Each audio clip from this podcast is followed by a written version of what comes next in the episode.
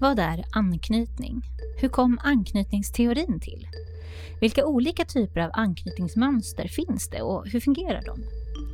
Hur påverkar vår uppväxt oss och hur vi har nära relationer i livet? Kan trauman föras vidare i generationer? Går det att skapa sig en tryggare anknytning senare i livet?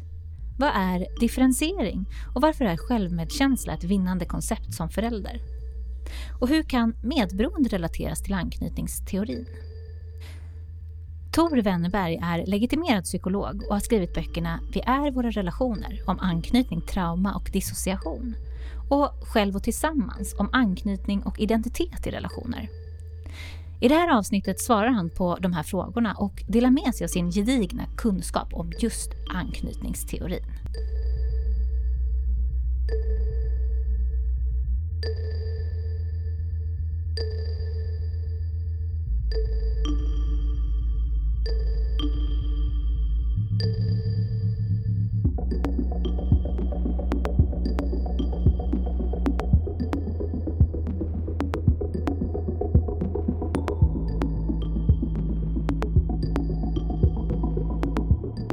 Välkommen till Medberoendepodden Tor.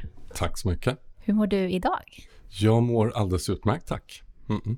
Skönt. Hur mår du? Jag mår bra, mm. jag mår bra mm. faktiskt. Lite, lite varmt idag, man är liksom, eh, det varit lite svalare här någon, mm. igår var det lite svalare, nu blir det lite varmare igen så blir man påmind om det Mm. liksom. Eh, men det tackar vi ju för ändå med värmen. Jag tänkte för de som inte känner till dig, om du bara skulle vilja börja med att berätta lite om dig själv och, och vad du sysslar med och så här. Ja, jag är legitimerad psykolog. Ehm, och innan jag blev psykolog så jobbade jag som journalist i många år. Ehm, medan jag läste på psykologprogrammet så började jag intressera mig mycket för anknytningsteori. Började skriva lite om det i tidningar, psykologtidningen bland annat, eftersom jag hade den här bakgrunden som journalist. Då. Ehm, och eh, det ledde sen till att jag skrev ett par böcker med anknytningsteorifokus. Eh, och de kom då 2010 den första och sen 2013 en liten uppföljare till den första. Eh, numera så arbetar jag med eh, organisationspsykologi, så mycket med grupputveckling, konflikthantering, sådana saker. Arbetslivets psykologi är det som jag arbetar med praktiskt. Du nämnde dina, böcker där. Vad var det liksom med, med just anknytning som du fattade tycke för, som du tyckte var intressant? Ja, och anledningen att jag nämnde dem är att jag tänker att det var anledningen till att jag var inbjuden. Ja, precis. Eh, jo, eh, det var faktiskt så att eh, det var på en föreläsning under, eh, på psykologprogrammet Eh, med vår lärare Pia Risholm Motander som är medförfattare till standardverket om anknytning, anknytningsteori. Eh, hon föreläste för oss om eh, anknytningsteori.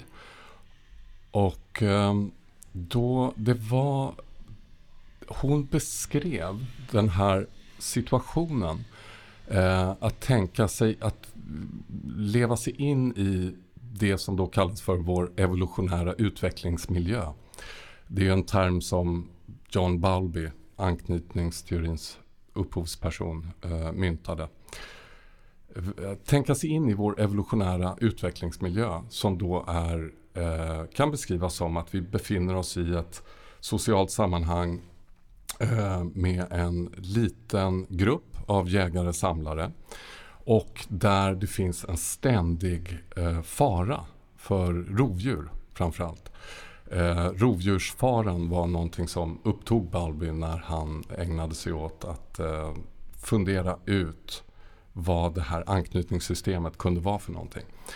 Och det var någonting med, eh, tänk, tänker jag nu, eh, med Pias sätt att liksom målande leva upp den där situationen så att man fick leva sig in i vad en separation innebär. Mm. En separation från anknytningspersonen, den, den som man har den primära anknytningsrelationen till. Eller egentligen från hela gruppen som ju är ett skydd då i vår evolutionära utvecklingsmiljö. Att leva sig in i vad en separation innebär, nämligen omedelbar akut livsfara. Mm. Och att vi då föds in i livet eh, programmerade att göra allt vi kan för att förhindra separationer, för att bevara den där närheten till andra. Som en grundläggande överlevnadsmekanism som vi har med oss. Det där tyckte jag, nej, hennes sätt att förklara det, det var som att jag plötsligt såg någonting. Eh, och insåg att ja, men med det här eh, rastret, om man lägger det här rastret över mänsklig psykologi, så är det väldigt mycket som förklaras genom det och blir begripligt genom det i fråga om när det gäller mänskligt beteende, mänskliga beteendetendenser. Mm. Så det där tilltalade mig väldigt mycket, det där perspektivet. Och att då liksom få syn på hur vår evolutionära utvecklingsmiljö, vi kan ju prata mer om den, hur den skiljer sig i så många avseenden från den tillvaro vi har skapat åt oss själva genom vårt, eh, vår mänskliga kreativitet men som vi har skapat sen vi blev bofasta. Och det där glappet mellan evolutionär utvecklingsmiljö och modern tillvaro. Mm. Och hur det på olika sätt ställer till det för oss. Kan göra. Så du kände på något sätt att det var liksom att det, det hängde samman, det var som grundläggande på något sätt för, för allt det som du läste i, i psykologi och sådär. Att det fanns liksom någon slags, vad ska man säga, ja men kärna i Ja. det liksom. Precis, Mm. väldigt mycket. Sen, man ska akta sig förstås. Man blir liksom förälskad i en Mm. teori och man ska akta sig för att reducera allting till det. Men väldigt mycket. Mm. Eh, och det är någonting, apropå teorier, eh, någonting som det finns en socialpsykolog som heter Kurt Levin som påpekade det. Det finns inget som är så praktiskt användbart som en god teori. Det vi vill med en teori det är att den ska hjälpa oss få syn på någonting. Mm. Så att vi också kan eh, agera mer ändamålsenligt utifrån det vi får syn på. Mm. Och så tyckte jag verkligen det var i mötet då med anknytningsteorin. Och sen så gick jag helt enkelt in för eh, att eh, det bästa sättet att lära sig någonting det tänker jag du säkert använder dig av i, i podden och eh, i, så när du själv föreläser. Det är att man, man förutsätter sig att lära ut Mm. det man själv inte kan. Det, det finns inget mer effektivt sätt Mm. att liksom tillägna sig kunskap. Så jag började då helt enkelt rikta in mig på att här, skriva om det och så småningom föreläsa om det som ett sätt att eh, själv tillägna mig det. Mm. Utifrån eget eh, intresse. Så. Mm. Men om vi börjar lite grundläggande så från, från scratch. Du nämnde lite om var anknytningsteorin kommer ifrån. Men, Mm. men vad är anknytning? Om vi börjar där. Liksom. Ja, anknytning då. Och det är ju det var John Bowlby som sagt eh, barnpsykiater och eh, psykoanalytiker. Det var han som formulerade teorin första gången 1958 i en eh, artikel i eh, en uh, psykoanalytisk tidskrift. En artikel som hette The Nature of the Child's Tie to His Mother. Barnets band till mamman eller då anknytningspersonen. Och så vad anknytning är, det är helt enkelt det här starka känslomässiga bandet som ett barn knyter till den eller de person, vuxna personer i sin närhet eh, som det barnet så att säga väl, väljer ut genom att det är de personerna som det tillbringar tid tillsammans med. Eh, väljer ut som en beskyddande vuxen artfrände. Den som de vänder sig till när de känner rädsla. Det är det ena eh, aspekten av anknytning och det är lite grann Balbys ursprungliga eh, formulering. Det är just det här att rädsloreaktioner triggar anknytningssystemet. Så att när ett barn känner rädsla så kommer det söka närhet till en anknytningsperson. Eh, och det är då sättet att reglera den här rädslan. Och det har då den funktionen att det sätter barnet utom fara. Mm. Sen så finns det ju andra aspekter av anknytningsrelationer. Det handlar ju inte bara om rädsla och, och fysisk närhet som ett sätt att reglera rädsla. Utan det finns ju också ett utforskande av det, det som man kallar för den intersubjektiva världen. Alltså vår relationella värld som vi människor lever i. Att barn börjar utforska den här relationella världen tillsammans med sin anknytningsperson.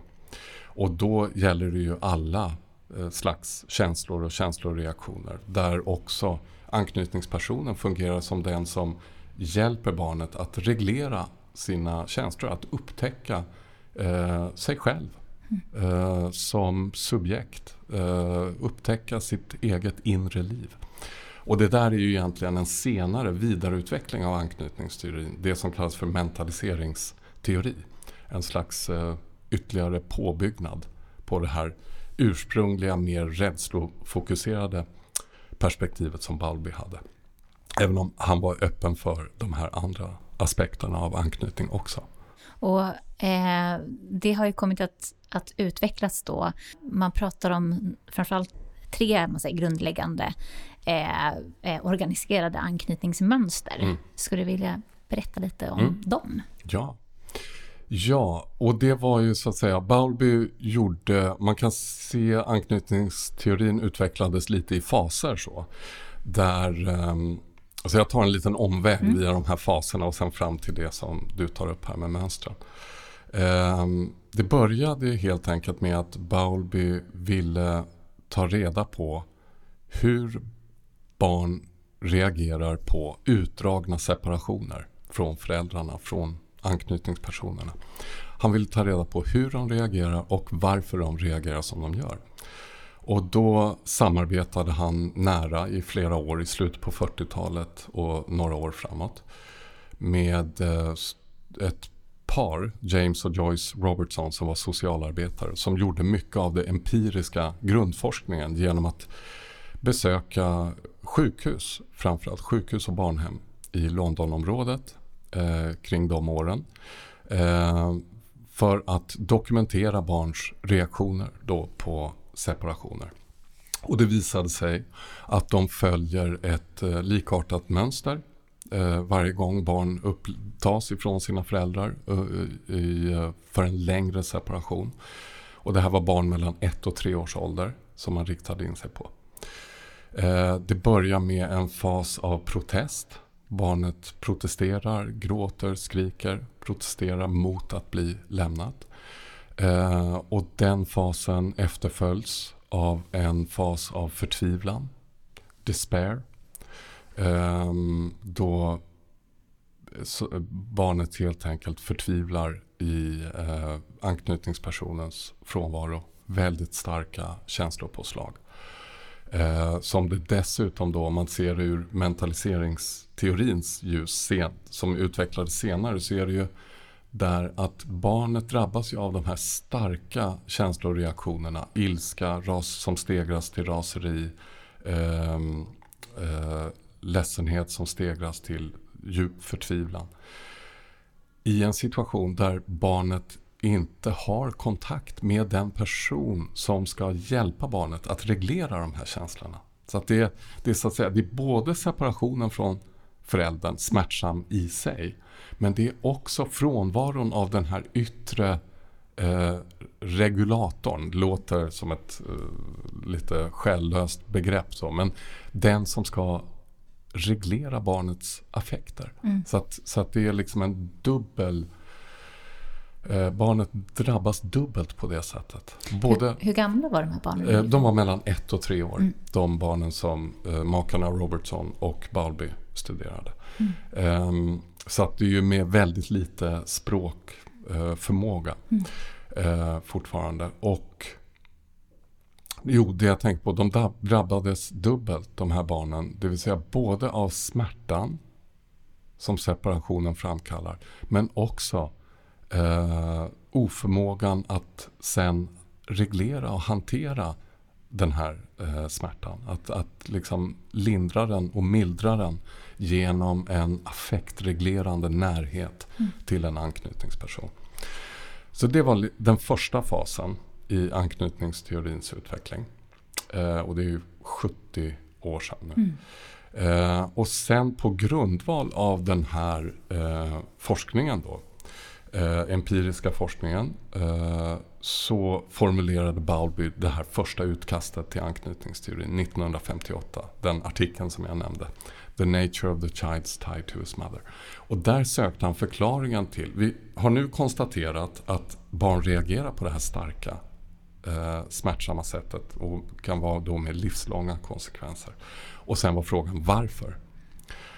Och ska man komma ihåg också att den förhärskande synen på den tiden det var att barn inte tog någon långsiktig mm. skada av de här separationerna utan de, barnen var, om de var på sjukhus för att de behövde medicinsk vård, då var det medicinsk personal som var bäst lämpad att ta hand om det. Och man såg inte det här andra samtidiga behovet av att inte vara separerad eh, från sin anknytningsperson. Och där har man ju sen, även om det tog flera decennier, lagt om praxis inom barnsjukvården.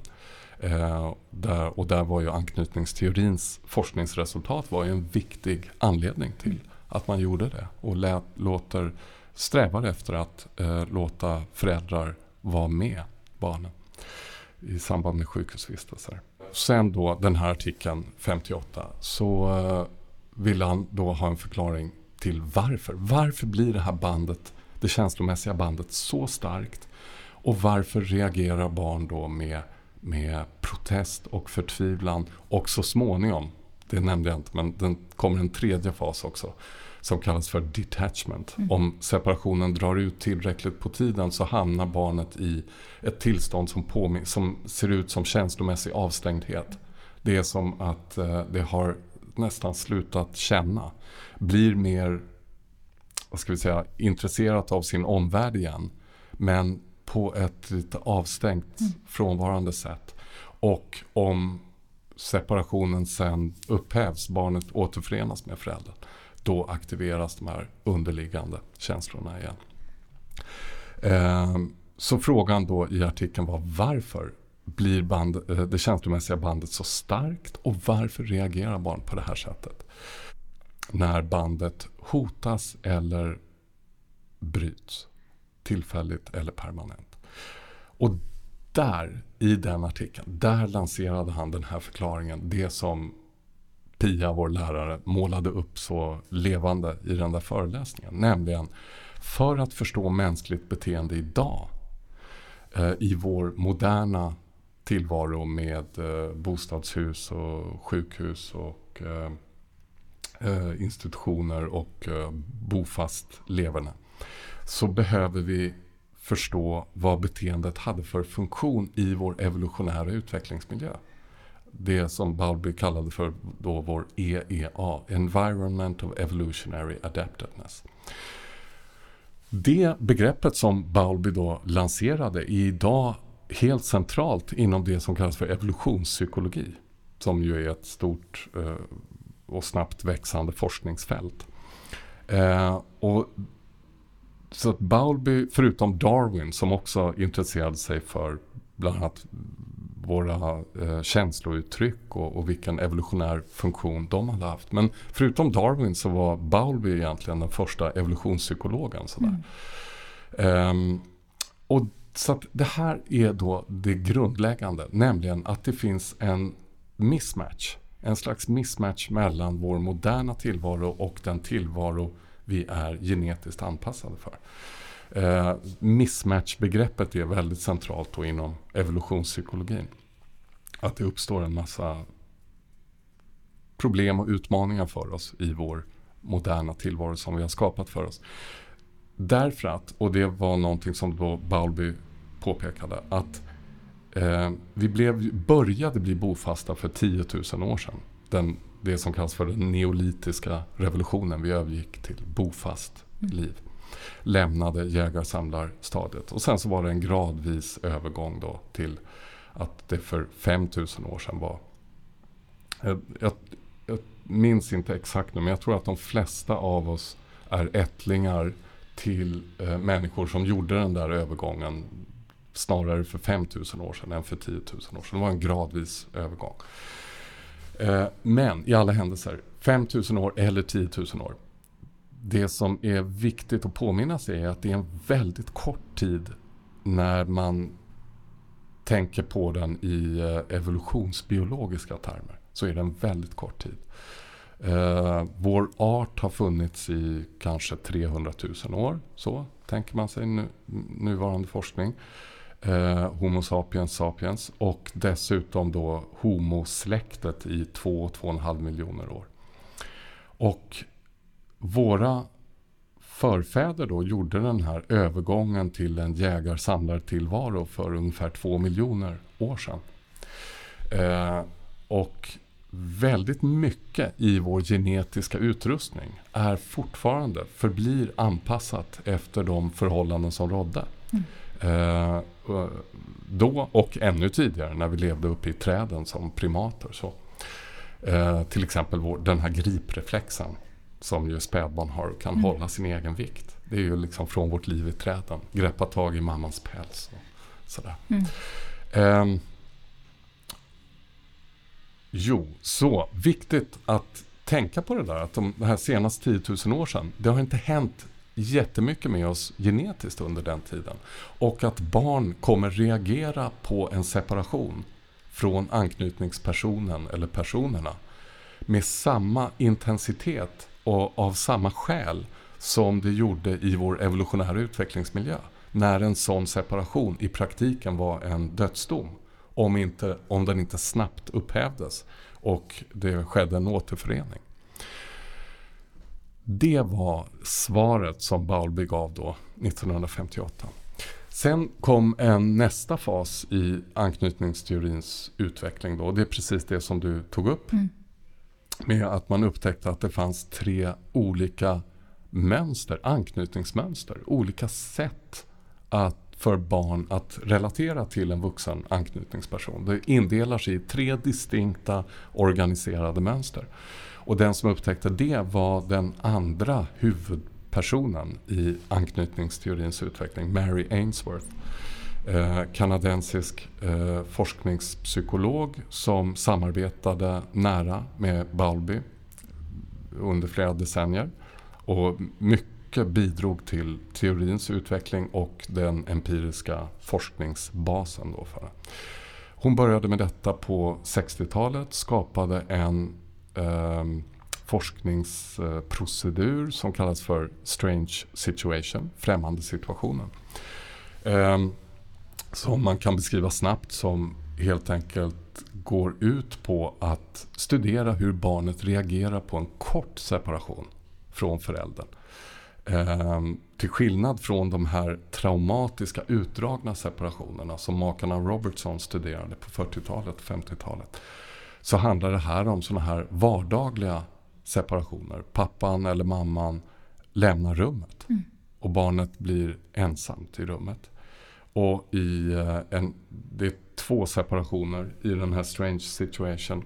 Barnet lämnas antingen ensam med en barnskötare eller sen jag minns inte vad som kommer först av de två, eh, ensam i rummet. Och eh, det man då framför allt sen studerar, det är hur förhåller sig barnet när anknytningspersonen kommer tillbaka in i rummet. Och det efter en separation på bara en minut. Mm. Um, och där så delar beteendet då in sig i tre distinkta mönster intressant nog. Därför att eh, Mary Ainsworth hade en förväntan när hon skapade den där eh, situationen att hon tänkte sig att alla barn som utsätts för en separation i en främmande miljö, det är därför det kallas för strange situation, kommer att uppvisa ett sånt här närhetssökande beteende till föräldern mm. i samband med återförening. Och så var det, det gjorde två Eh, kategorier barn, eller två av de här grupperna, av de tre grupperna. Men det var en grupp som inte betedde sig som förväntat. Hon trodde alltså, hon skulle egentligen bara bekräfta Bowlbys antagande att närhetssökande som reaktion på separation är en universellt förekommande respons hos människor och Eh, och så var det en grupp som ställde de där förväntningarna på ända. Förvånade henne mycket när det hände. Och vad, hur var deras reaktioner och eh, hur tog sig de här tre olika uttryck då? Mm. Eh, ja, om man börjar med eh, det första mönstret som då är majoriteten barn. Ehm, det som kallas för trygg anknytning. Eh, där ser man då att barnet i samband med, blir för det första väldigt, blir stressat eh, uppstressat, ja, uppjagat av själva separationen, reagerar negativt på att det blir en separation. Eh, genom att eh, börja gråta eller ropa efter föräldern. Det vill säga, det som kommer där, det är den här protestreaktionen som makarna Robertson hade hittat. Men då en, i, i mild form därför att det är en väldigt vardaglig typ av separation, kort separation. Eh, men det betyder att rädsloreaktionen är där och då aktiveras anknytningssystemet då som vill återupprätta närheten. Mm. Eh, överbrygga den här separationen, skapa återförening. Eh, och sen när föräldern kommer in i rummet igen då uppsöker barnet föräldern direkt, återupprättar närheten och låter sig sen snabbt lugnas. Blir snabbt lugn igen och återgår till det som barnet höll på med innan föräldern lämnade rummet. Nämligen utforska. Det finns massa spännande leksaker i rummet. Så eh, barnet återgår till att utforska. Utforska tillsammans med föräldern. Det är just det här att utforska intersubjektivt. Alltså gå till föräldern med en leksak som du har hittat. Eller göra någonting. Titta, få blickkontakt med föräldern. Så det är samtidigt ett det är ett utforskande både av rummet och av relationen dem emellan. kan man säga. Och det återupptas då. Eh, och sen så fanns det en grupp eh, som då kallar, och det där är den då trygga anknytningen. Yeah. Och så finns det en grupp som kallas för eh, otrygg ambivalent. Eh, och det var då barn som de var ofta upprörda redan när de kom dit. Ner, liksom aktiverade och, eh, och eh, oroliga och eh, svårt att komma till ro med föräldern. Redan när de kommer in i rummet. Protesterar sen när föräldern lämnar. Blir ännu mer oroliga av det.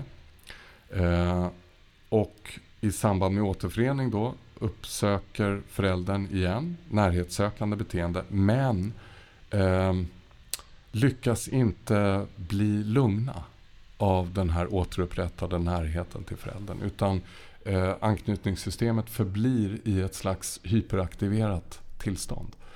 Eh, och man kan säga där att barnet är då väldigt fokuserat på föräldern genom hela strange situation. Både när föräldern är där, när föräldern inte är där och när föräldern kommer tillbaka. Så att det här utforskandet kommer inte igång.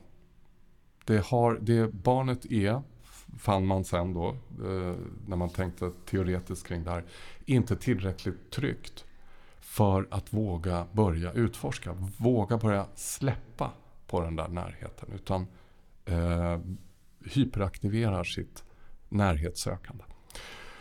Men sen så var det den tredje gruppen då och det var ju den som mer... En, en fråga, ja. hur visade det sig när barnet eller när föräldern kom tillbaka in i rummet? Hur, hur agerade barnet då? Liksom? Ja, då, då söker de här otryggt ambivalent anknutna barnen söker, ju upp, söker närhet till föräldern eh, men blir inte lugnade av närheten mm. utan liksom behåller fokus på föräldern och kan inte som det trygga barnet då låta sig lugnas, eh, lindra oron, reglera rädslan och övergå till utforskande. Mm. Så att, så att det, mer, det, saknas den där dramatiska kurvan mm. som finns för tryggt anknutna barn. Eh, ska säga det också att det man undersöker i Strange Situation är ju en specifik relation mellan föräldern och barnet. Det är mm. inte så att säga, och, och, barn utvecklar ju olika anknytningsmönster till olika anknytningspersoner. Um, så. Uh, och så fanns det den här tredje gruppen då. Uh, det som kallas för otryggt undvikande. Och det var de som då mer förvånade Mary Ainsworth. Det hade hon inte väntat sig att få se. Eh, och då kan man säga att det är lite den spegelvända motsatsen till det här otryggt ambivalenta mönstret. Nämligen de barnen mer hyperaktiverar sitt utforskande system. De går in direkt för att liksom utforska leksakerna i rummet och så. Men de gör det utan att ha den här eh, återkopplingen med föräldern. Det här sökandet av blickkontakt eller visa upp saker eller göra det till ett gemensamt utforskande. Utan det är mera ett solitärt, ensamt utforskande för de barnen. Och det som då allra mest förvånade Mary Ainsworth var ju att när föräldern lämnar rummet så visar de barnen inga öppna tecken på protest. Eh, de protesterar inte mot eh, att bli lämnade. Och när föräldern sen återkommer så har de heller inte det här närhetssökande, uppsökande beteendet för att reglera eh, ett, ett känslopåslag, en känsloreaktion. Utan de fortsatte med sitt utforskande. Så. Och det där visste hon, Mary Ainsworth, då först inledningsvis inte riktigt hur hon skulle förstå vad det där var. Hur, hur man skulle förstå det beteendet. Och eh, i de här tidiga studierna så gjorde man ju då mycket också, hade, hade gjort under första levnadsåret för de här barnen, mycket hemobservationer. Och fann då eh, att de här barnen hade mera, mycket, mycket mera en historia i anknytningsrelationen av att ha fått sitt närhetssökande, sina närhetssökande beteenden avvisade av föräldrarna. Att det var föräldrar som var mer inriktade på att tillgodose fysiska behov och så. Eh, men hade svårigheter, utmaningar med att tillgodose de känslomässiga behoven. Och kunde öka avståndet till barnet eh, när barnet var aktivt närhetssökande. Och när man fann det och dessutom i senare studier då fann att de här otryggt undvikande barnen som då på ytan ser alldeles lugna ut. De har en precis lika kraftig stressreaktion som trygga och ambivalent, otryggt ambivalenta barn. Kortisolhalten skjuter i höjden, pulsen ökar. Men de har lärt sig så tidigt i livet att undertrycka alla öppna uttryck för protest. Så. Mm. Ehm, och när man då fann, gjorde, fann det här sambandet då med, med föräldrabeteende eller hur, hur det hade sett ut i anknytningsrelationen under första levnadsåret. Så insåg Mary Ainsworth att det här i själva verket var ett paradoxalt nog ett närhetssökande beteende. Därför att barnet hade en levd erfarenhet, har så att säga skapat en implicit, omedveten förväntan på världen, på liksom relationer, att, på den här relationen. Att om jag visar att jag är rädd, ledsen, arg och så, då kommer avståndet öka. Antingen det rent fysiska eller det mentala avståndet. Jag blir mm. avvisad. Så detta att undertrycka sitt aktiva närhetssökande är då en närhetsmaximerande strategi. Mm. Paradoxalt nog.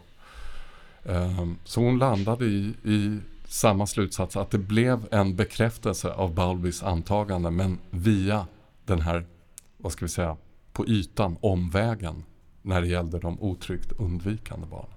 Och hur var det med de eh, ambivalenta barnen då? Vad, vad kunde man se där liksom, i ja, föräldrarelationen? I, där kunde man se att det istället var mera av ett sånt där eh, ombytligt och godtyckligt föräldrabeteende. Att ibland var föräldern väldigt närvarande och gav närhet och så. Och ibland otillgänglig. Så att vilket då skapade för de barnen en otrygghet i att inte kunna veta när, när kommer jag få den där närheten som jag behöver. Jag får den ibland. I, i vissa sammanhang och i andra sammanhang inte. Och då blir det också en, en, eh, vad ska vi säga, en funktionell strategi. Mm.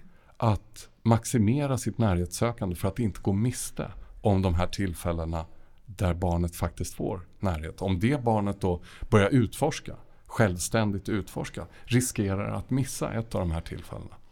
Och barn, människobarn behöver väldigt mycket både fysisk och psykologisk närhet för sin utveckling. Så att det är liksom en, en eh, funktionell, en, en eh, adaptiv som man säger. Alltså fungerande strategi med eh, givet förutsättningarna ändå positiva följder för barnet att mm. göra på det sättet. Och det är därför det är en evolutionärt nedärvd strategi som vi har. Mm. Och det kan man säga också när man tänker på hur vi fungerar som vuxna. Mm. Så pratar man ju om i forskningen då att nära relationer, eh, kärleksrelationer blir en slags variant av anknytningsrelationer. Men där det inte är en som är i positionen som den, den som vet och förstår mer mm. och den andra blir omhändertagen utan det där liksom i idealfallet i varje fall att det växlar. Att båda kan vara en um, stödjande och uh, en stödjande anknytningsperson för den andra. Men där kan man se det som att de här tre grundmönstren, alltså det otryggt undvikande, det otryggt ambivalenta och det trygga mönstret. Det har vi alla inom oss, alla tre. De finns liksom som, vad ska man säga, relationella dispositioner, mönster som vi har möjlighet att ta till. Eh, och har inom oss i olika proportioner beroende på vilka erfarenheter vi har gjort genom livet. Så. Men sen finns det ju också eh, en annan anknytningsvariant som man också då eh, upptäckte eller som mm. man började intressera sig för, som är den desorganiserade. Man brukar säga att de här tre andra är de tre organiserade anknytningsmönster och sen finns det då det desorganiserade. Ja. Eh, vad kan du säga om det? Ja, det är precis det är nästa fas då i anknytningsteorins utveckling och det, då är vi fram på 80-talet. Och då var det ytterligare en forskare som var tongivande som hette Mary Main som hade varit doktorand hos Mary Ainsworth. Um, och det var helt enkelt så att man fann, det började ju bli ett växande liksom, forskningsmaterial av sådana här videoinspelade främmande situationer, strange situations. Och så fann man att det var en kategori barn eh, på de här inspelningarna som inte betedde sig enligt förväntan, alltså som inte passade in i något av de här tre organiserade mönstren. Eh, och eh, Mary Main gjorde då ett jättearbete med att försöka förstå vad det där var. Och det var barn som kunde uppvisa lite mer aparta, märkliga beteenden i den här främmande situationen. Till exempel att eh, söka närhet med föräldern vid återförening. Men göra det, till exempel backa mot föräldern. Närma sig men med ryggen före. Eller närma sig men röra sig i cirklar. Eller, eller vara på väg att närma sig föräldern och så plötsligt vika av åt ett annat håll. Det var lite märkliga aparta beteenden som man inte förstod till en början. Och det visade sig sen, ett av de första for forskningsfynden då när det gällde den här, det som sen fick beteckningen desorganiserad anknytning. Det var när man samtidigt gjorde sådana här eh, anknytningsintervjuer med föräldrar till de här barnen. Eh, anknytningsintervjun, Adult Attachment Interview som den heter, var ett också eh, senare utvecklat instrument. Också Mary Main som upphovsperson bakom det. Och då fann man att de här barnen tenderade att ha föräldrar som uppvisade på anknytningsintervjun, ska jag kanske säga någonting också om vad den är för något, eh, så jag återkommer till det, men uppvisade desorganiserat eller desorienterat tal. Alltså pratade på avvikande sätt i anknytningsintervjun när det gällde frågor som handlar om trauman eller förluster. Och, och det var alltså föräldern som, som ja, blev intervjuad? Mm. Precis. Mm. Så det började som att helt enkelt med att Mary Main började få syn på att någonting i det här aparta beteendena hos barnet kan ha att göra med obearbetade trauman hos föräldern. Blev liksom det första spåret hon kom in på. Och som det sen gjordes mycket forskning på. Och man fann att, att det var precis på det sättet. Att barn kan des, och, och, och vad den desorganiserade anknytningen då är. Det är helt enkelt att anledningen till att de här lite aparta beteendena uppvisas, som att rör, närma sig föräldern, röra sig i cirklar eller närma sig med ryggen före, det är att det är ett samtidigt närmande och undvikande. Eh, barnet närmar sig föräldern men försöker samtidigt undvika föräldern. Varför då? Jo, därför att själva anknytningsrelationen är upphov till barnets rädsla. Barnet känner rädsla, inte för... Eller ja, så här. I främmande situationen så är ju själva separationen, att föräldern lämnar rummet. Det är ju en källa till eh, rädsla mm. hos barnet. Men vid återförening, när föräldern kommer tillbaka in i rummet, då har alltså barnet en levd erfarenhet, en erfarenhet av att själv bli skrämd av föräldern. Eh, vilket gör att detta att barnet närmar sig föräldern i ett läge där det själv känner rädsla får då den evolutionärt oförutsedda konsekvensen att barnets rädsla stegras istället för att lindras som det så att säga är tänkt. Eh, så stegras rädslan och det gör att när vi känner rädsla för någonting så vill vi undvika det. Så att rädslan får barnet att vilja undvika föräldern, röra sig bort och då till exempel vända ryggen till.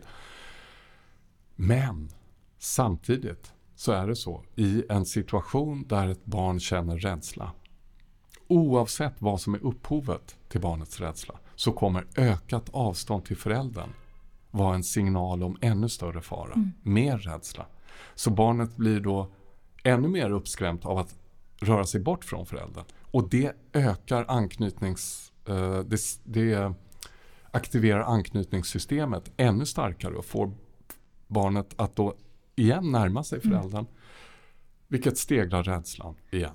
Så att barnet hamnar i en sån här ond cirkel av att inte kunna hitta någon lösning. Och det här Mary Main kallar det här för en biologisk paradox. Det som ska stilla och reglera min rädsla är det som stegrar rädslan. Och eh, vid ett års ålder så kan barn, eller ett och ett halvt, inte hitta någon organiserad beteendemässig lösning mm. på, det, på den biologiska paradoxen. Så de fastnar liksom i den där konflikten? så? Fastnar mm. i konflikten mellan närmande och undvikande. Mm. Som då kortsluter beteendet. Och så ser man sådana här saker som att närma sig med röra sig i cirklar. Och så. Eh, och det där är ju hjärtskärande och ännu mer hjärtskärande därför att det är så att säga, det är, man kan säga att hela, hela den desorganiserade anknytningsrelationen är traumatiserad. Eh, det är ju föräldrar som själva är eh, drabbade och som inte har då haft möjlighet, haft eller fått möjlighet att tillräckligt bearbeta sina egna trauman. Det var det som visade sig på den här anknytningsintervjun då. Mm. Att egna obearbetade trauman hos föräldern desorganiserar deras omvårdnadsbeteende i föräldrarollen. Och det kan då vara väldigt subtila slags beteenden som inte motsvarar eh, misshandel eller försummelse. En... Ja, för du skriver ju också i, i din eh, bok då, Via våra relationer, så skriver du ju också om eh, FR-beteenden, alltså skräm, skrämmande och skrämda, skrämda mm. ja. föräldrabeteenden. Ja. Alltså som två olika. Den ena är mer direkt skrämmande och den andra mm. är sekundärt skrämmande. Ja.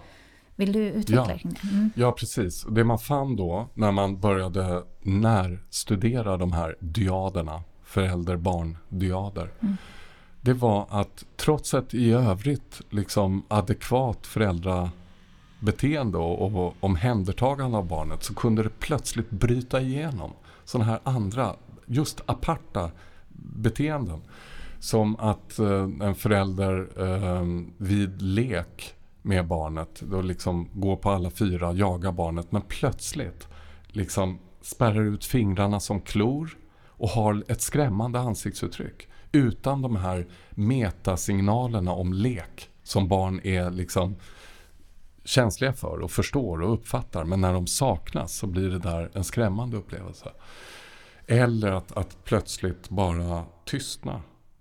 Försvinna in i en, i en sån här djup frånvaro. Inte vara mottaglig för barnets försök att etablera kontakt och sådär. Ehm, och, eh, men också, som du sa, skrämda beteenden. Att barn, äh, föräldern plötsligt kan bete sig som om barnet är skrämmande. Och så som man teoretiserade kring det här då, så handlar det just om att obearbetade trauman som liksom invaderar medvetandeprocesserna hos föräldern. Eh, så att föräldern reagerar med kraftig ångest, rädsla och så. Eh, och, och, kan ofta då vara i hög grad Eh, delvis eh, omedvetna om eh, när det här händer. Så. Så man kan säga direkt skrämmande, alltså det kan man ju sätta sig in i att det kanske är någonting som är där föräldern på riktigt är hotfull, att det kanske kan ja. vara eh, våld eller liksom ja. eh, hot om våld eller så, mm. så att det är mera konkret så, men att det här andra sekundära är, eh, är mer subtilt liksom och att det, det kanske är eh, det, som på, det som är ovisst mm. som barnet inte kan läsa av som mm. blir skrämmande liksom. Mm. Tolkar jag det rätt då? Ja, ja med det tillägget att eh, när det gäller FR-beteenden, även de skrämmande beteendena är så att säga, de är skrämmande för barnet, men de motsvarar ändå långt ifrån traditionella definitioner av, av misshandel och så. Det är inte, mm. Utan det är, även de kan vara mycket mer kan vara subtila. Mm. Precis som det, det du beskriver som det sekundära, det vill säga skrämt beteende hos föräldern. Mm. kan vara eh, subtilt på det sättet. Mm. Och vad var det man upptäckte hos de här föräldrarna då? Ja, det var då på den här anknytningsintervjun som Mary Main skapade som ett forskningsinstrument. Hon var intresserad av att ta reda på hur vår anknyt anknytningshistoria liksom lever i oss i, i vuxen ålder. Så. Och utformade en eh, intervju med 15-20 frågor om, eh, där föräldern får svara på frågor om den egna barndomen. Eh, tar ungefär en timme att göra den där och sen så letade hon efter mönster i sättet att prata om egna anknytningserfarenheter, tidiga erfarenheter. Och det där var ju väldigt intressant därför att Bowlby hade beskrivit att vi i våra anknytningsrelationer bygger upp det han kallar för inre arbetsmodeller. Uh, inner working model, models. En slags, vad ska vi säga, uh, mentala konstruktioner som vi bygger upp av oss själva, självbild, av anknytningspersonen och av relationen dem emellan och hur jag bör agera så eh, för att säkerställa mina behov så mycket jag kan. Och Mary Main var intresserad av att med det här, den här, det här intervjuinstrumentet se om hon kunde så att säga eh, få syn på en sån här inre arbetsmodell aktiverad i sättet att prata. Även om den då kan vara influerad av betydligt senare erfarenheter i livet också förstås. Och det visade sig då när hon gjorde en sån här liksom, diskursanalys, alltså titta på sättet att prata om anknytningserfarenheter. Inte, fokus i den forskningen är liksom inte på innehållet i det som mm. sägs. Hur man eh, beskriver sina eh, tidiga erfarenheter, sin barndom. Utan på hur man pratar. Och då kom ju ett av de här riktigt intressanta forskningsfynden. Eh, där det nämligen visar sig att om föräldern har en förmåga att svara på de här frågorna på det som kallas för ett koherent sätt. Koherenta svar, det vill säga att kunna skapa en sammanhängande berättelse om sina erfarenheter utifrån frågorna i anknytningsintervjun. Det visade sig starkt predicera, förutsäga trygg anknytning hos barnet. eh, när man senare mätte barnets anknytningsmönster då i främmande situationer så fann man en sån korrelation mellan koherenta, sammanhängande svar på anknytningsintervjun och ett organiserat tryggt beteendemönster i främmande situation.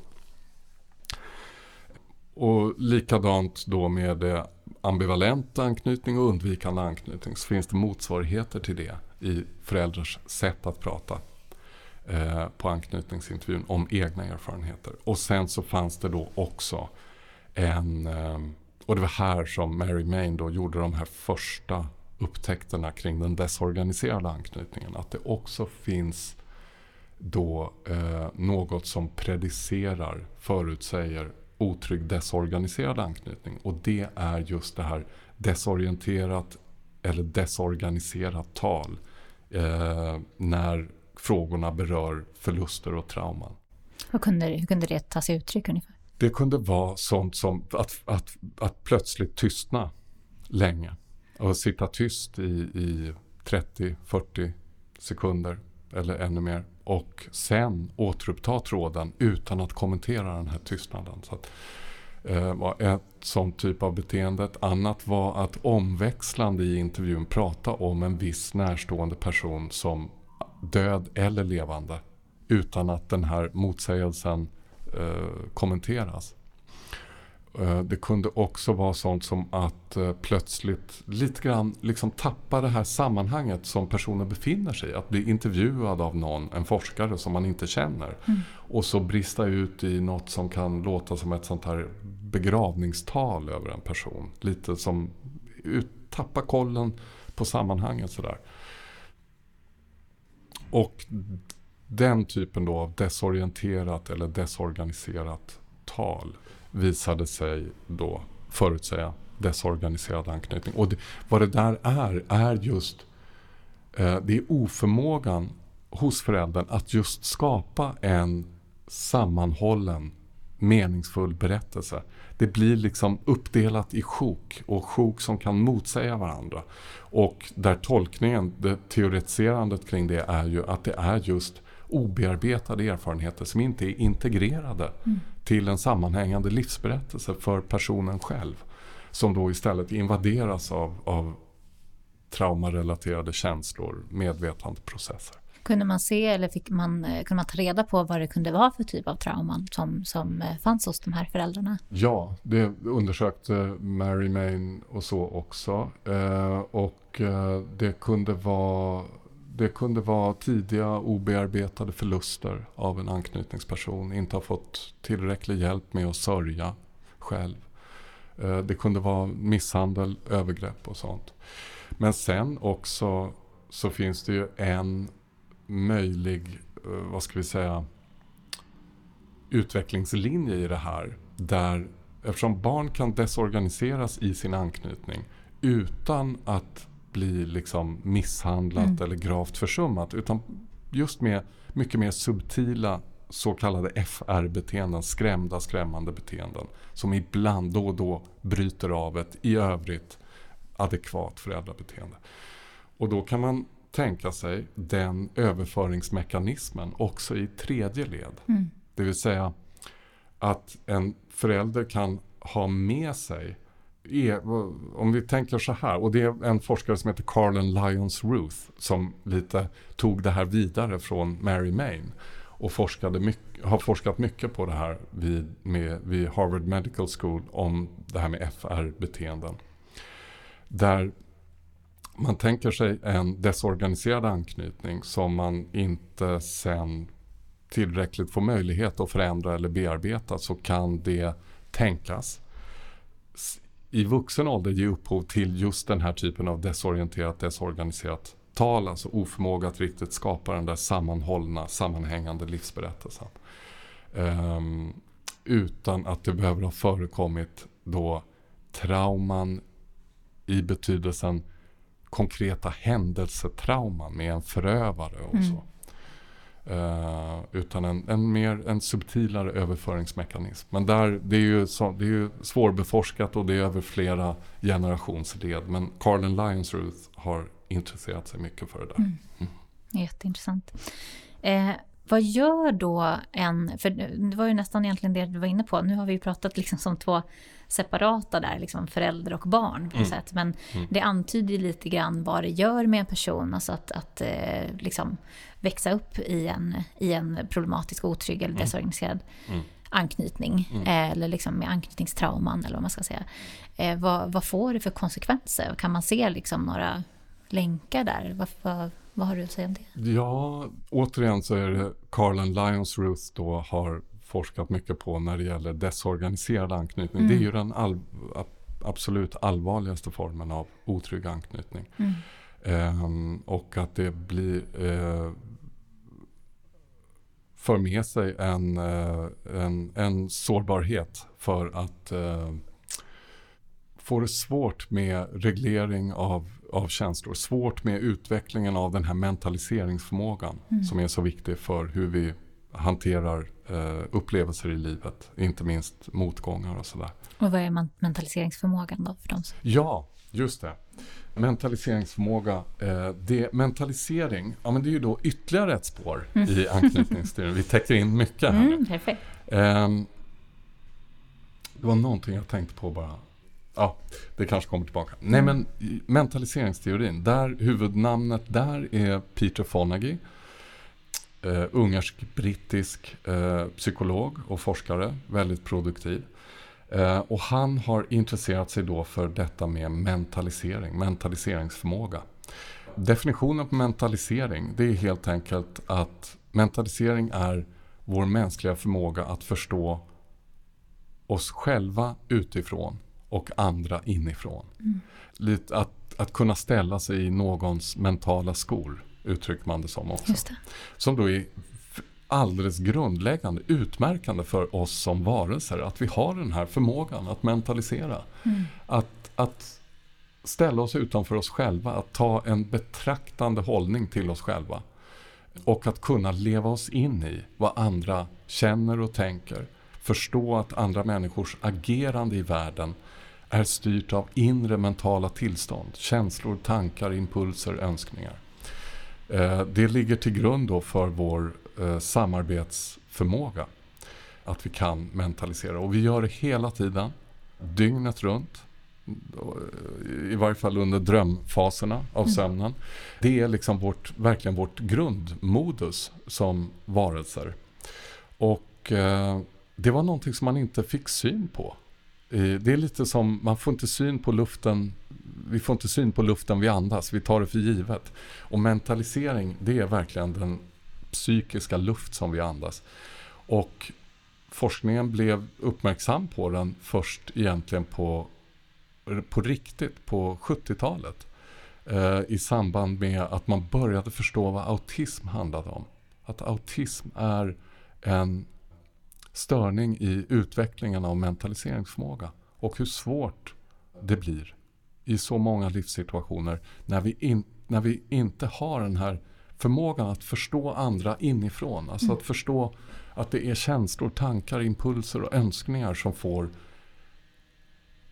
den andra att agera på si eller så. Och sen plockade då, och theory of mind kallas det där inom kognitionsforskningen. Forskningen kring det mänskliga tänkandet. Mm. Theory of mind heter i autismforskningen. Och där är fokus väldigt mycket på just förmågan att förstå den andra inifrån. Alltså att skapa en theory of mind. En teori om att den andra personen är en mental varelse som har ett inre upplevande som styr handlandet i världen. Det där spåret, eller det vad ska vi säga, begreppet fångade Peter Fonagy upp, men han vidgade det till att omfatta lika mycket det egna självet som den andra personen. Och han kallar det för mentalisering, mentalization, eh, snarare än theory of mind. Där, och anledningen till, också till den omformuleringen det är att i mentalisering så ligger inte bara den här kognitiva förståelsen av att den andra har ett medvetande och jag har ett medvetande, utan det är också den känslomässiga förståelsen. Så att mentaliseringsförmågan då ligger till grund för vår förmåga att skapa känslomässig närhet, intimitet till varandra, förstå varandra och förstå oss själva. Mm. Och väldigt mycket av mentaliseringsförmågan är ju liksom genetiskt förprogrammerad i sin utveckling men den behöver också det här samspelet i anknytningsrelationerna för att utvecklas eh, fullt ut. Och där kan man ju se, för att koppla tillbaka då till den här AI, anknytningsintervjun, att ett sätt att förstå den där förmågan att skapa en sammanhängande berättelse om egna tidiga livserfarenheter. Det är ett uttryck för att mentaliseringsförmågan är aktiv. Den är online. Jag kan skapa den här berättelsen. Jag kan samtidigt betrakta situationen jag befinner mig i. Dig och mig. Du är en intervjuare. Jag är här som intervjuperson. Eh, det gäller för mig att få dig att förstå det här. Mm. Då behöver jag leva mig in i vilken information har du och har du inte och sådär. Mm. Så att mentaliseringsförmågan är liksom intakt online genom hela intervjun. Medan det här desorienterade, desorganiserade talet, där jag plötsligt börjar prata om någon som jag inte har nämnt för dig tidigare. Inte, du har ingen bakgrundsinformation, jag tappar sammanhanget. Kan man då se som ett slags sån här mentaliserings, sammanbrott i mentaliseringen som kan vara subtila då mm. eller lite grövre eller tydligare. Så man kan säga att det får ju framförallt liksom relationella problem i, i livet, mm. liksom, om du har problematisk anknytning från början. Liksom, att det är det som är konsekvensen helt enkelt. Nej, det är precis så att det kan bli, det blir svårt i relationer. När vi, när vi har svårt att mentalisera eh, så skapar det problem i relationer. Och vi får alla svårt att mentalisera när vi blir triggade. När vi får liksom ett starkt stresspåslag, då går vår mentaliseringsförmåga ner. Eh, och då tenderar vi just också att, att tappa den här inlevelsen i vad någon annan tycker och tänker och känner. Och vi blir övertygade om att våra egna projektioner stämmer och sådär. Och sen i ett lugnare läge så kan vi förhoppningsvis eh, återhämta, börja återta projektioner och så. Och samtidigt så är det, tänker jag, ett perspektiv som finns i mentaliseringsteorin och i mentaliseringsbehandling. Det är, som jag tycker är väldigt tilltalande, det är att mentaliseringsförmågan är också träningsbar. Man kan stärka sin förmåga att mentalisera. Och man kan ha det med sig så att säga som en strävan i, i sina relationer till andra och till sig själv. Och det handlar ju mycket om eh, medkänsla. Att, att eh, stärka sin medkänsla med sig själv när man tappar mentaliseringsförmågan, sin medkänsla med andra när de tappar den. Och hitta tillbaka till reparation av det relationella sammanhanget, så att säga, relationen som vi befinner oss i. Och apropå det där med medkänsla så tänkte jag tillbaka på det som vi pratade om tidigare med just förälder-barn-relationen som ett system. Mm. Ett liksom traumatiserat system. Jag tänker att det, där, det är viktigt där att, att vi, apropå jag sa, det är hjärtskärande att läsa om de här desorganiserade barnen. Och det är viktigt att ha, att, att rikta medkänslan mot, och, mot hela systemet. Alltså, och dessutom att tänka på att föräldrar med liksom stora utmaningar i föräldrarollen behöver stöd. Och att det är alltid så att en förälder-barn-relation är ju ett sammanhang som befinner sig i andra sammanhang. Befinner sig i, en, i ett familjesammanhang, påverkas av hur det ser ut där påverkas av så mycket yttre faktorer också. Eh, socioekonomisk mm. utsatthet, arbetslöshet, eh, ojämlikhet i samhället, i livsvillkor eh, och förutsättningar. Så det är viktigt att också ha det där större samhälleliga perspektivet mm. när vi tänker på eh, det här med utsatta barn. Vi ska eh, plocka lite grann faktiskt in på det du, du pratar om nu. Men först vill jag bara ställa frågan, det här är ändå Medberoendepodden. Mm. Vad har du för tankar liksom kring det här, eller relation till det här med medberoende? Mm. Ja, Medberoende är ju en, liksom, inte en sån här klinisk psykologisk term utan eh, det är en eh, ju, vad ska vi säga, populärvetenskaplig som verkligen har mm. slagit an eh, hos så många och som du vet mycket mer om än jag. Men en definition som jag hörde på medberoende som jag tilltalades av i sin slagkraftiga enkelhet är att medberoende är if you're okay, I'm okay. Mm. Det vill säga att vara inriktad på att jag måste se till att du inte känner det du känner just nu. Eller du är si eller sån. Du, att förflytta dig från ett tillstånd till ett annat. Mm. Att det är det viktigaste. Och ett sätt att se på det där, det är ju att barn, eh, känsliga barn eh, till föräldrar som inte klarar av sin föräldraroll. Barn som blir utsatta på det sättet lär sig som en överlevnadsstrategi att bli lite vända upp och ner på den här förälder-barn-relationen. Alltså att barnet blir den som ska reglera den vuxnes känslor. Och det kan ju handla om, eh, det är mycket när det gäller alkoholism mm. förstås. Eh, detta som, som har skrivits om medberoende. Eh, psykisk sjukdom hos föräldrar. Och det där, jag tänker att medberoende kan man verkligen se som en defensiv försvarsinriktad användning av mentaliseringsförmågan. Just. Man blir liksom hypersensitiv för förälderns inre tillstånd eller partnerns inre tillstånd i en mm. relation. Man använder sin mentaliseringsförmåga för att reglera den andra mm. så mycket som man kan.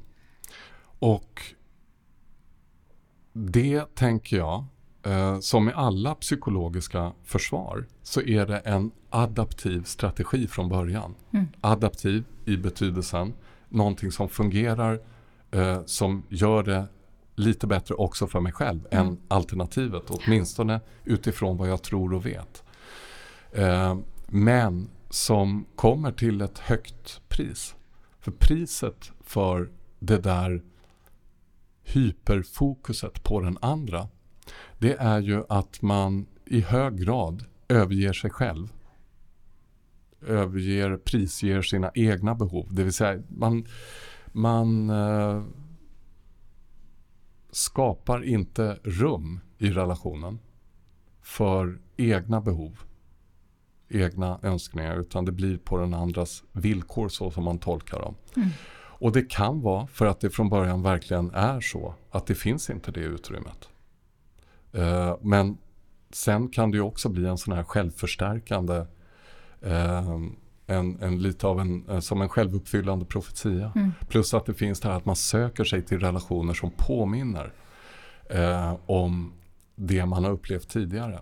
Och där finns ju det här paradoxala med att vi kan liksom, beroende på vilka erfarenheter vi har, så kan vi bli trygga av otrygghet. Därför att vi känner igen det.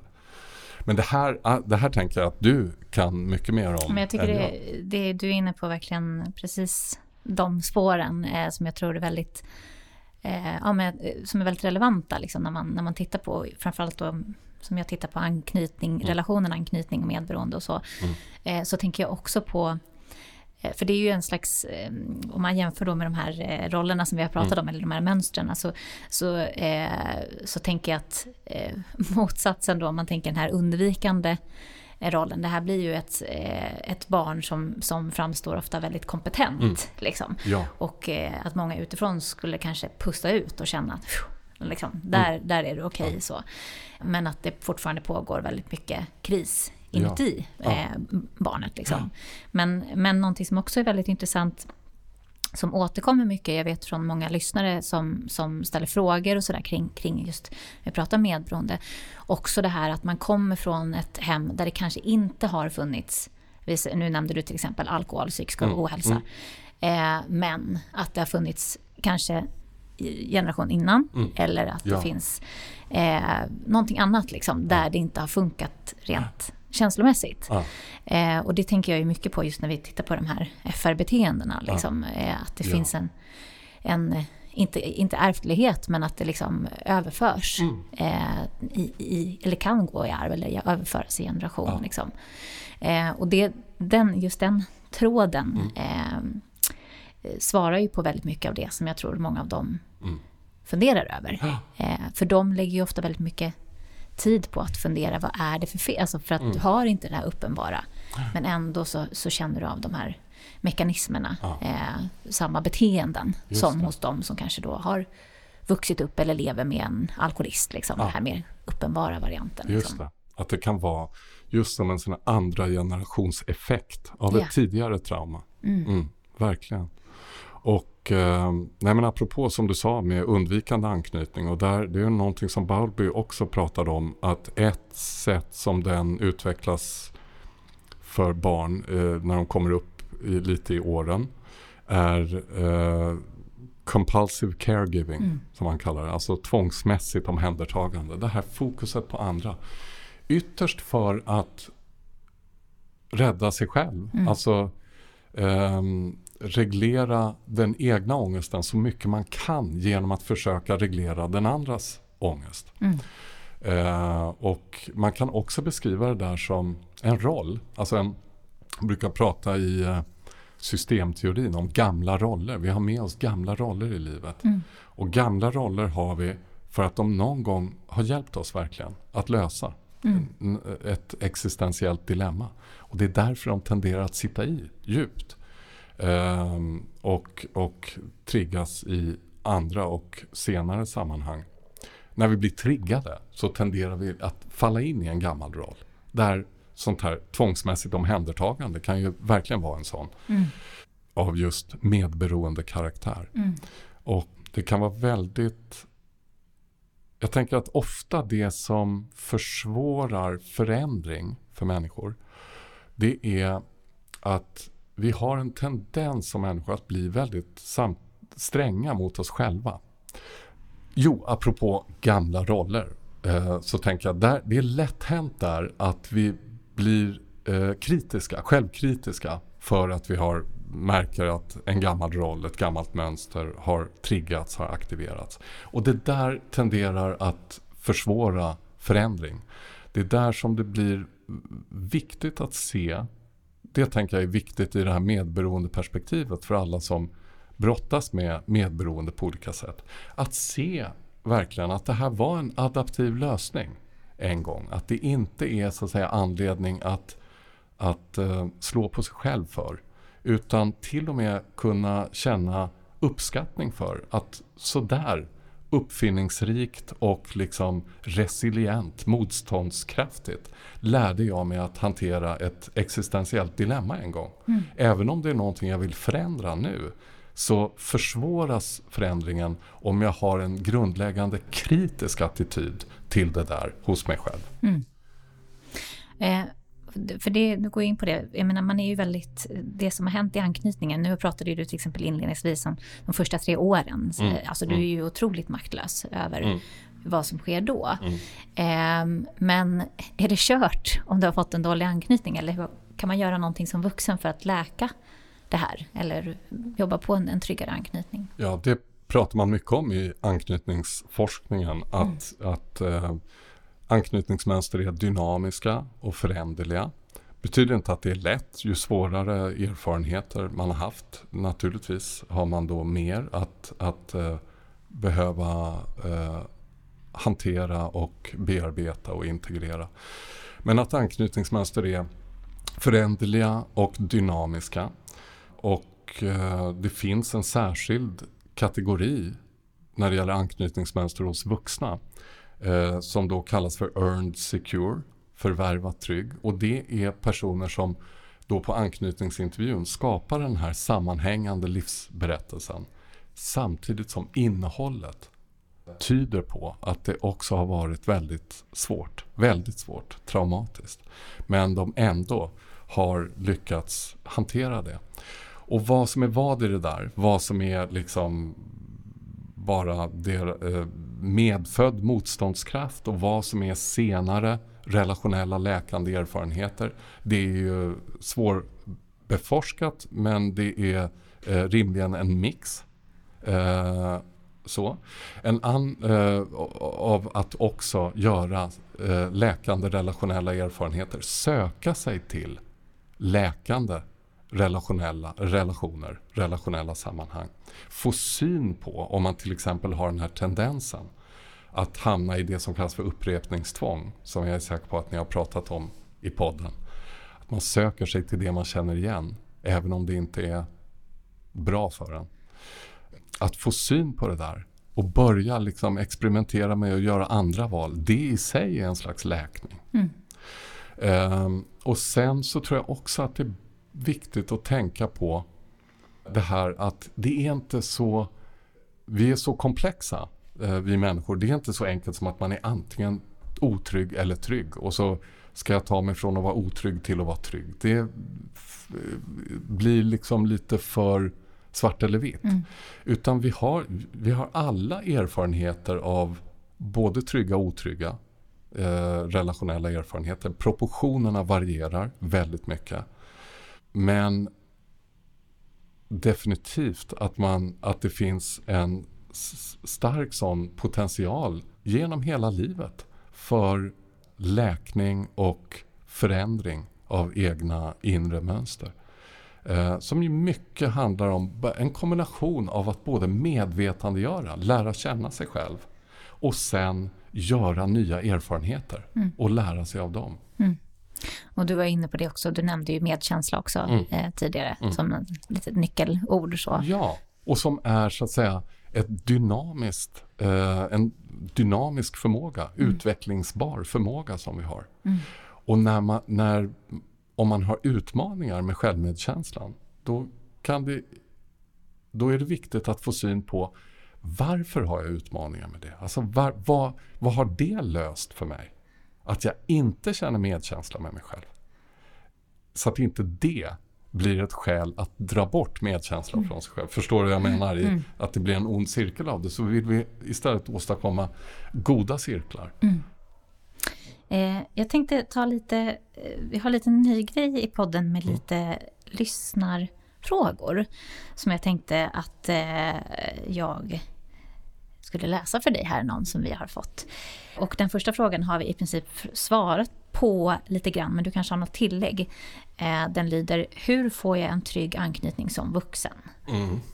Mm. Det var ju i princip det som vi har ja, pratat kring nu kanske. Så. Och då tänker jag att det är bra där att ha en eh, kanske en, en, en nyanserad och, och mångfacetterad bild av den önskan som den här personen uttrycker och tänka just att jag vill stärka den sidan av mig själv. Det finns redan någonting som är, någonting som är tryggt hos mig. Hur kan jag stärka det? Och eh, för, för det kan det finns just en risk tänker jag med att det blir så antingen otrygg eller trygg. Bort från det som är till något som ska vara och som ska vara helt annorlunda. Eh, och förändring är ju ofta mera mera gradvis och uh, handlar om att stärka någonting som faktiskt redan finns. Mm. Man är inte man är, för det första är vi inte våra anknytningsmönster och vi har inte bara ett mm. inom oss. Mm. Så tänker jag. Mm. Eh, här har vi kanske lite eh, anhörigperspektiv. Undvikande anknytning, hur bemöta en sån person? Mm. Blir det frågan. Mm. Så vad, vad kan vi svara på den? Ja, undvikande, det vill säga kanske då i en nära relation. Jag skulle gissa en på kärleksrelation, någon som inte vill eh, som, kan, som inte öppnar sig och sådär. Ja, jag tänker att där handlar det ju om att bo, dels att eh, spontana snabba svaret är att uttrycka egna behov mm. i en sån relation. Vad är det jag behöver? Uh, visa förståelse för en andras behov men försöka börja göra det pratbart så. Att man kan uh, tillsammans utforska det där. Det handlar ju om att, att uh, båda ska vilja det förstås. Mm. Mm. Mm. Eh, här står det, kan man ha två olika anknytningar till exempel av olika föräldrar? Ja, och det kan barn ha redan vid ett års ålder, före ett års ålder. Mm. Så utvecklar barn olika, distinkta olika anknytningsmönster till olika anknytningspersoner. Mm. Och fler än till bara föräldrarna om det finns fler vuxna i närheten, morföräldrar eller farföräldrar. Mm, jättebra. Återigen på just det där temat med att vi har olika eh, erfarenhetsspår mm. inom oss alla. Det är inte så att säga bara ett mönster. Mycket, mycket mer dynamiskt och komplext. Eh, nästa fråga. Kliver man fram och tillbaka mellan anknytningarna utifrån en situation? Har man en grund? Frågetecken. Den, om jag ska mm. tolka den så mm. antar jag att det är lite liksom, ut, utifrån baserat i olika situationer mm. man befinner sig i. Mm. Eh, att man mm. eh, eh, kan liksom växla mm. i Att det är kontextberoende. Ja, så. precis. Uh, jag har ingen forskning att hänvisa där Nej. till så, men uh, det är i varje fall inte direkt uh, tillgänglig så. Men jag tänker själv kring det där just utifrån det där att de tre organiserade mönstren, de är evolutionärt nedärvda adaptiva strategier. Och vi har dem inom oss allihopa, som sagt i olika proportioner. Och det tror jag var och en känner igen. Hur olika vi kan reagera i olika kontexter. Det är ju någonting som, det är ju verkligen socialpsykologins eh, forskningsresultat nummer ett under hundra år. Det är att vi blir väldigt olika i olika kontexter. Mm. Och säkerligen tänker jag eh, också när det gäller eh, anknytningsmönster eller tendenser till ett annat anknytningsmönster med en viss person i ett visst sammanhang. Mm. Mm. Varför avvisas jag av någon som säger att den vill vara med mig?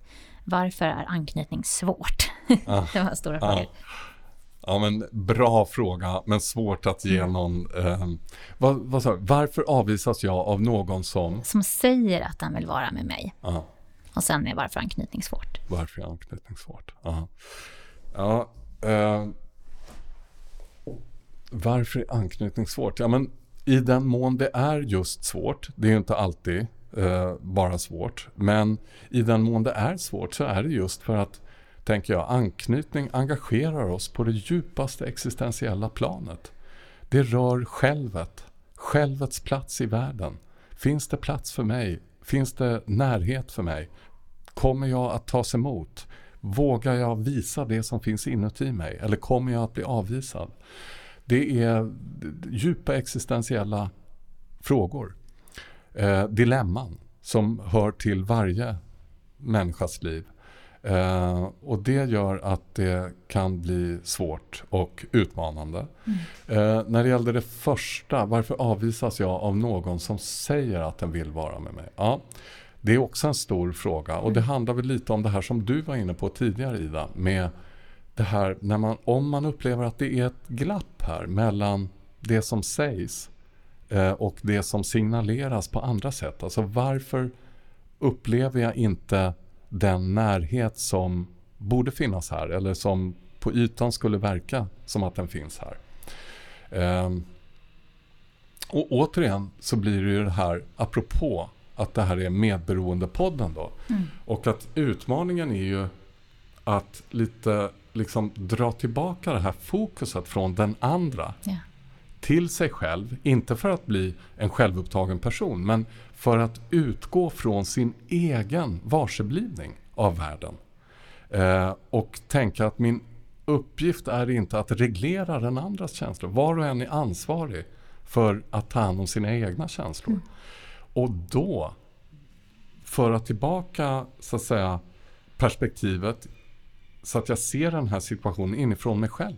Vad är det då som fattas i den här situationen? Vad behöver jag? Kan jag sätta ord på det? Föra in det?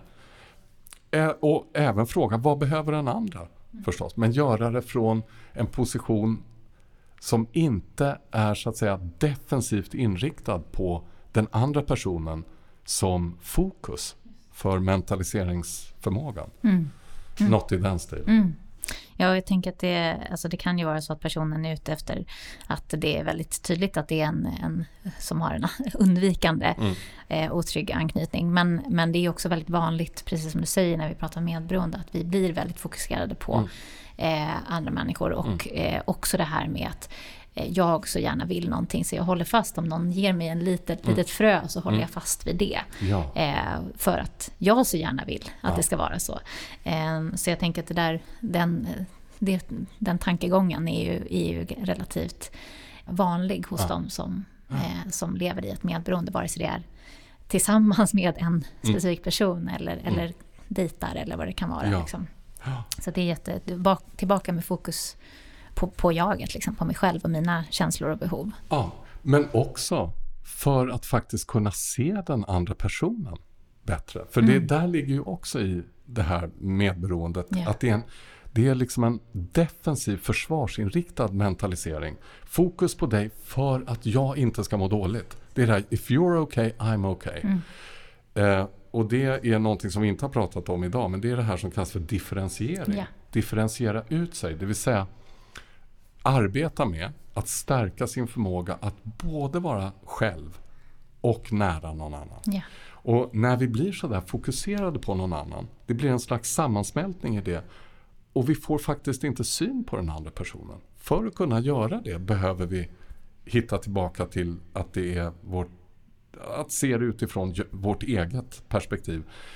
Det är det som ju möjliggör verklig närhet. Yeah. I det där medberoendet så är det ju ingen riktig intimitet. Vi relaterar ju ytterst då till en projektion som vi har på den andra. Jättebra att ta upp det, för jag hade tänkt att be dig faktiskt benämna det just för att jag tycker att det är så viktigt. Ja. Eh, alltså det är väldigt vanligt med liksom den här överanpassning, att man reagerar på andra, att mm. det är sammansmältning, liksom man blandar ja. ihop jag och du. Eh, ja. Men också en, att man blandar ihop intimitet och intensitet också. Ja, ja, eh, mycket. Eh, så att jag hade faktiskt tänkt be dig just berätta lite om mm. differentiering. Så att, mm. eh, jättebra att du tog upp det. Mm. Eh, och vad, vad, vad, kan man säga mer konkret vad det handlar ja. om? Liksom? Ja, men just det här, differentiering, det är ett viktigt begrepp då.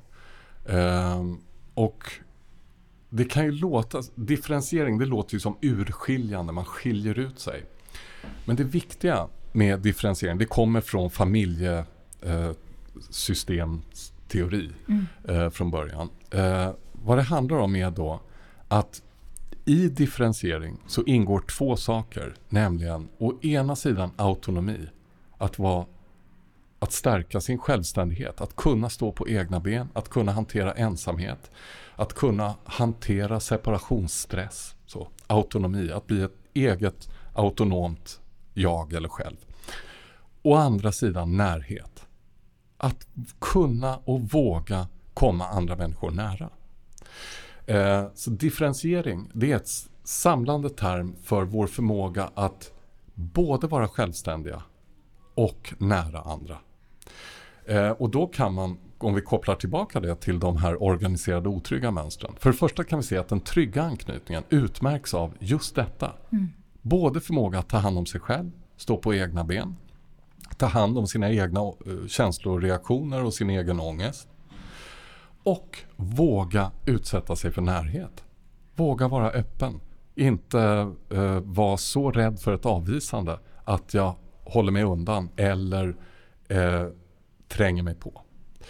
Medan då den undvikande anknytningen är ju att överbetona självständigheten.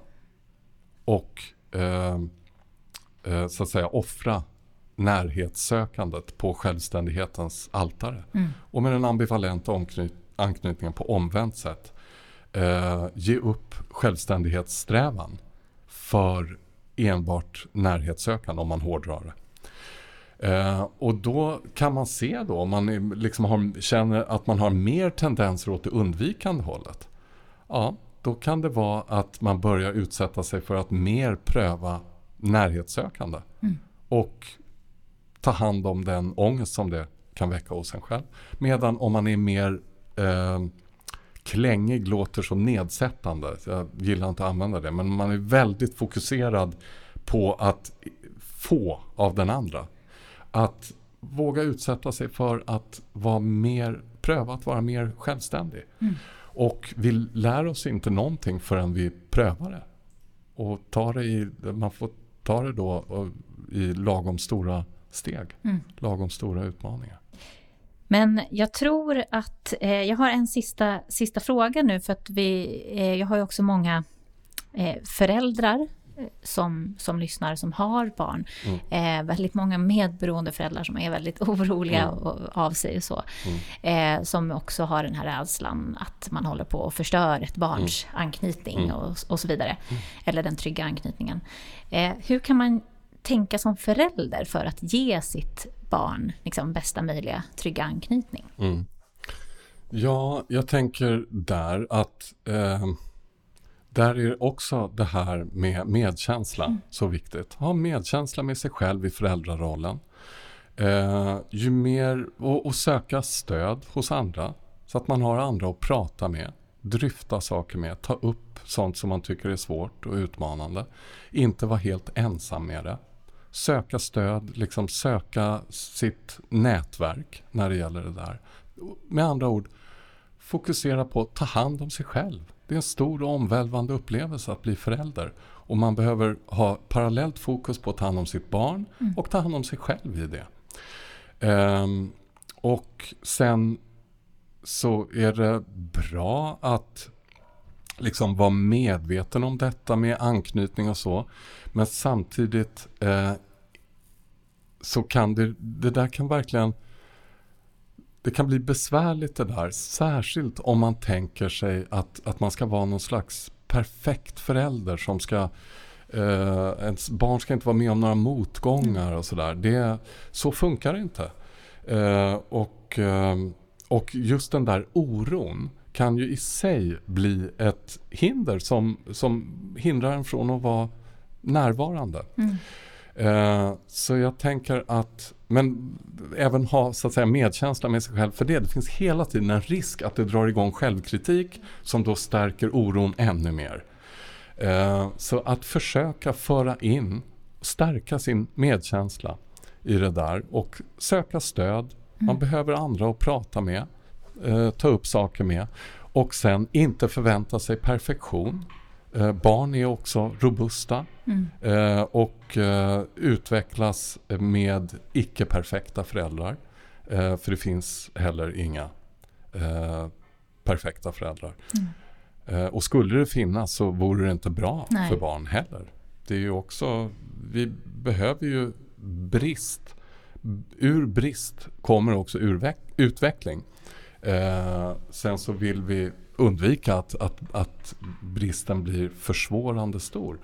Eh, men, där, men, men det viktigaste där tänker mm. jag är, är att ha eh, rimliga krav på sig själv och att söka stöd. Mm. Eh, överhuvudtaget det där att, att liksom eh, det, det är ju det här gamla uttrycket att det, det krävs en hel by för att uppfostra eller ta hand om ett barn. Och det är sant. Och ju mm. mer man kan liksom skapa av en by runt om. Nu lever vi inte på det sättet. Men ju mer man kan mm. påverka i den riktningen så är det bra. Genom att hitta andra och prata med, eh, dela erfarenheter av och inte bli för ensam i föräldrarollen. Och jag tänker att det är också väldigt vanligt att, att just eh, den typen av föräldrar som jag tänker på nu, där jag har ju väldigt många som, som berättar som kanske har en, vi säger en partner då som kanske är, har ett, vi säger ett alkoholberoende eller mm. någon typ av mm. dysfunktion eller problematik. Eh, att man då försöker kompensera för man är så livrädd att ja. barnet tar skada av det. Ja. Men att den här rädslan i sig kan bli liksom att det står i vägen mm. för din känslomässiga närvaro och även den här, liksom, precis som du var inne på, differentiering med, med autenticitet. Liksom. Mm. Att, att det finns en, en brist där. Liksom. Mm. Så att, jag tycker eh, att det låter jätteviktigt att påminna om den här byn faktiskt, som, mm. som du sa. Ja. Mm. ja. Jättefint. Jag tror att vi stannar där. Tusen tack Tor för att du delar all den här kunskapen du har. Det är fantastiskt fint. Tack snälla. Tack så mycket Ida för att jag fick komma. Tack. Arbetet med Medberoendepodden har jag sedan starten 2015 gjort ideellt, men för att kunna fortsätta med arbetet så behöver jag din hjälp. Du kan stötta Medberoendepodden genom att swisha ett valfritt bidrag till 070-243 4202. Alltså swisha valfritt bidrag till 070-243 4202 eller genom Patreon. Vill du lära dig mer om anknytning rekommenderar jag dig att läsa Tors böcker. Böckerna heter Vi är våra relationer, om anknytning, trauma och dissociation och Själv och tillsammans, om anknytning och identitet i relationer. Vill du veta mer om medberoende kan du gå in på vår hemsida. www.medberoendepodden.se är adressen. Och jag finns tillgänglig för föreläsningar, workshops och snart kommer en ny vända av den digitala grundkursen i medberoende dra igång. På hemsidan kan du läsa mer. Och glöm inte att följa oss i sociala medier. Där heter vi Medberoendepodden.